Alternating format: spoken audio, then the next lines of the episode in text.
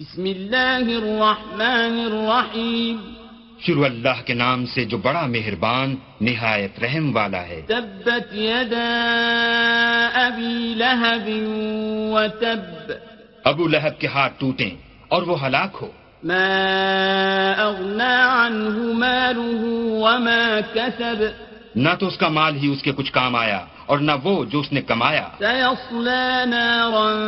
ذات لهب वो जल्द भड़कती हुई आग में दाखिल होगा وامرأته حمالة الحطب और उसकी जोरू भी जो ईंधन सर पर उठाए फिरती है في جيدها حبل